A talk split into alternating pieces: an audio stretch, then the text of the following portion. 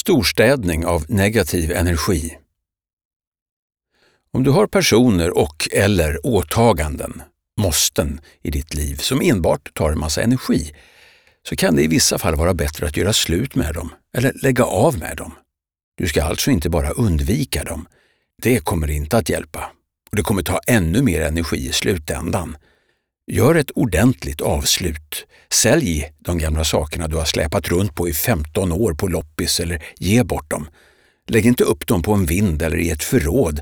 Gör dig av med dem. Det är bara saker och du har inte använt dem på länge och kommer med största sannolikhet inte heller att använda dem framöver heller. När det kommer till människor så är det naturligtvis mer komplicerat och i de flesta fall är det bra att prata med dem om hur du upplever att relationen fungerar eller inte fungerar och försöka hitta sätt som fungerar för att göra relationen givande istället för tvärtom. Om inte det går så kan en väg vara att, så att säga, göra slut med dem. Det är då viktigt att berätta varför du gör det. En del kommer säkert bli ledsna och arga, men när du gör ett avslut på det sättet så slipper du dem sen. Och den energi som lagts på att uppehålla en relation som är osund kan läggas på annat. Vissa personer kanske rent av blir glada över att de slipper dig medan du möjligen hittar tillbaka till andra när du kommit en bit till på din resa. Om du tar beslutet att någon av de relationer som du har behöver avslutas så är det bäst att göra det personligen och helst i ett samtal öga mot öga. Om du inte vill göra på det sättet så kan det vara en bra idé att skriva ett brev till de berörda. Det kan också vara bra att överlämna ett brev i samband med ett samtal så att personen kan läsa det i lugn och ro. Personen eller personerna i fråga kan då också läsa det flera gånger. Det kan leda till att de en dag faktiskt förstår vad du menade eller så kan ni diskutera er fram till en lösning som är hållbar för er båda. En ytterligare sak som gör detta område ännu mer komplext är att det finns ett perspektiv som handlar om att du inte bara lever för dig själv och ditt eget välbefinnande, utan att du med ditt liv också ska finnas till för andra. Detta är ett perspektiv som du bör ta med dig in i en eventuell storstädning och som bör påverka en del av dina val. Kan det ändå vara så att det finns människor som behöver dig, men som du personligen inte får så stort utbyte av, då kanske den relationen är viktig att behålla inte för din skull, men för den andres. Gör en lista över alla de personer och åtaganden som du har i ditt liv. Efter varje namn och uppgift sätter du ett minus eller plustecken. Alla som får ett minustecken är personer som du upplever tar energi ifrån dig eller som på annat sätt har ett dåligt inflytande på hur du mår. Gör en plan för dessa personer och är det den utväg som du tror är bäst så kan det innebära att du kommer att rensa bort vissa saker och relationer för att kunna skapa en förändring. Få inte för dig att det kan fungera om du sparar de saker eller personer som påverkar dig i negativ riktning, i motsatt riktning mot var du bestämt dig för att gå. Det räcker med en att en kedja håller fast båten för att den ska vara kvar, oavsett hur många kedjor som kapats. Och om du vill någon annanstans än du är idag så behöver du göra dig av med det som försöker att hålla dig kvar. Om du gör valet att rensa bort personer så bör du förbereda dig för total utfrysning. Du kommer med största sannolikhet att bli idiotförklarad och det kommer att pratas om att du har tappat förståndet, blivit pundare, fått en psykos eller liknande. Folk kommer att skratta. Var så säker. Pallar du verkligen det? I det här läget är det väldigt bra att ha en kärna med personer i din närhet som faktiskt vet vad du gör och som kan stötta dig.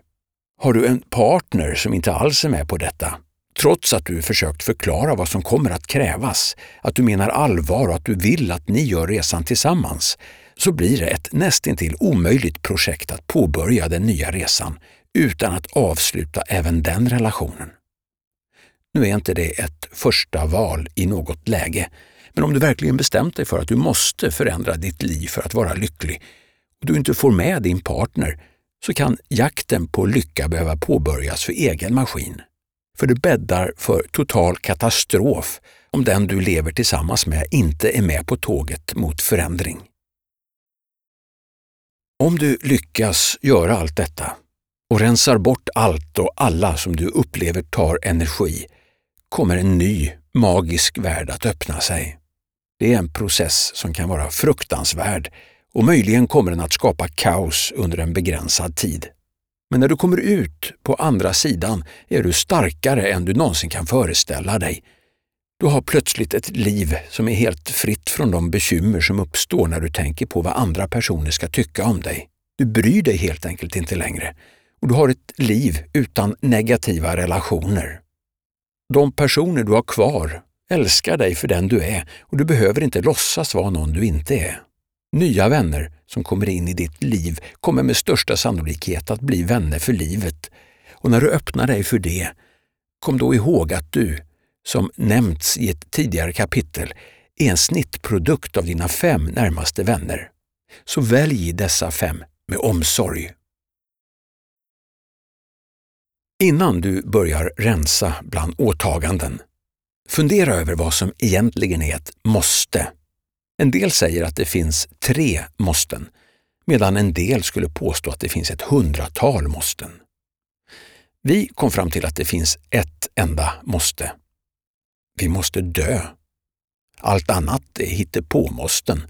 Ett av dessa hittepåmåsten handlar om att hålla sig uppdaterad om vad som händer hela tiden.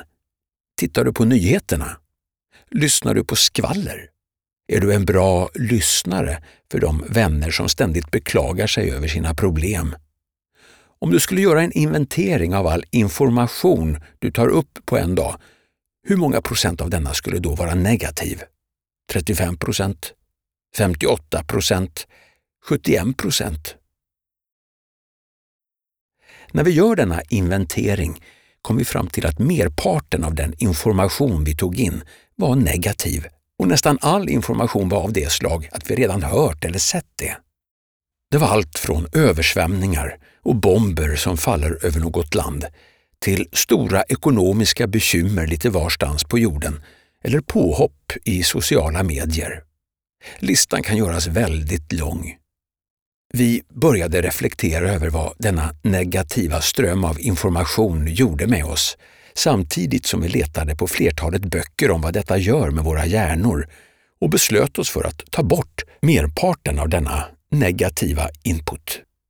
Det kan man göra till exempel genom att sluta titta på TV eller genom att välja bort sociala medier.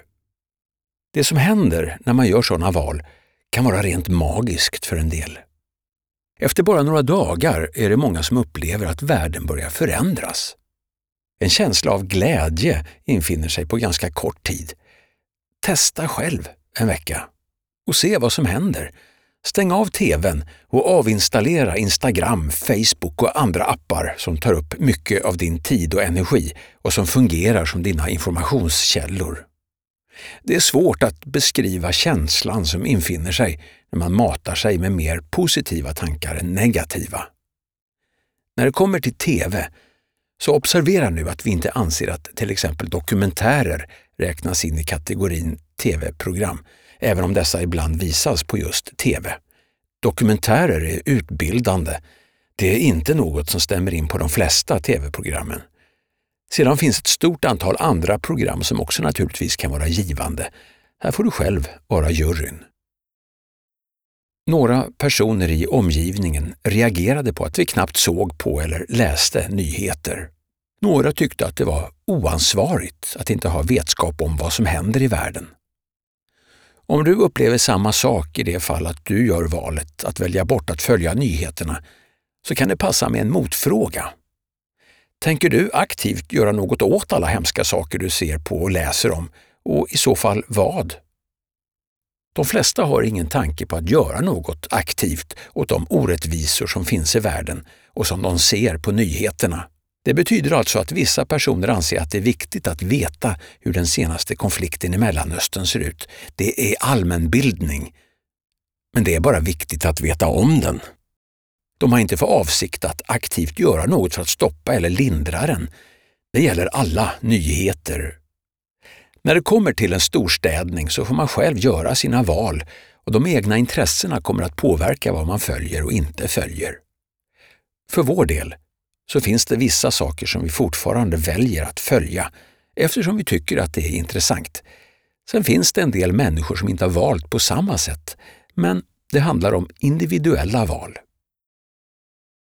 Som en del i storstädningen så kan starten på din dag vara en viktig sak att ta tag i. Om du flyger ur sängen varje morgon och ser till att din kropp utsätts för stresspåslag redan från första minuten, vad tror du att detta gör med din kropp och hjärna med tiden? Vi är övertygade om att ditt liv kortas ner ordentligt och att du ökar risken för att dra på dig mycket allvarliga sjukdomar. Om dagen sen fortsätter med ständiga stresspåslag kommer du snart att vara mycket nedbruten. För att ge dig själv en bra start på dagen kan du istället vakna i god tid och börja dagen med något positivt. Det spelar ingen roll vad det är. Läs en bok, titta på roliga kattklipp på Youtube, dansa och lyssna på musik. Välj något som passar dig och som gör dagens början bra. Om du startar dagen på det här viset kommer du att sätta tonen för resten av dagen. Att titta på nyheterna eller scrolla igenom Facebookflödet räknas inte som positivt i vår värld.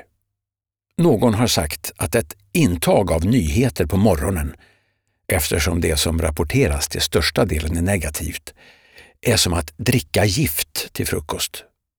Det låter inte så nyttigt, så det tänker i alla fall vi låta bli. Vi rekommenderar dig detsamma.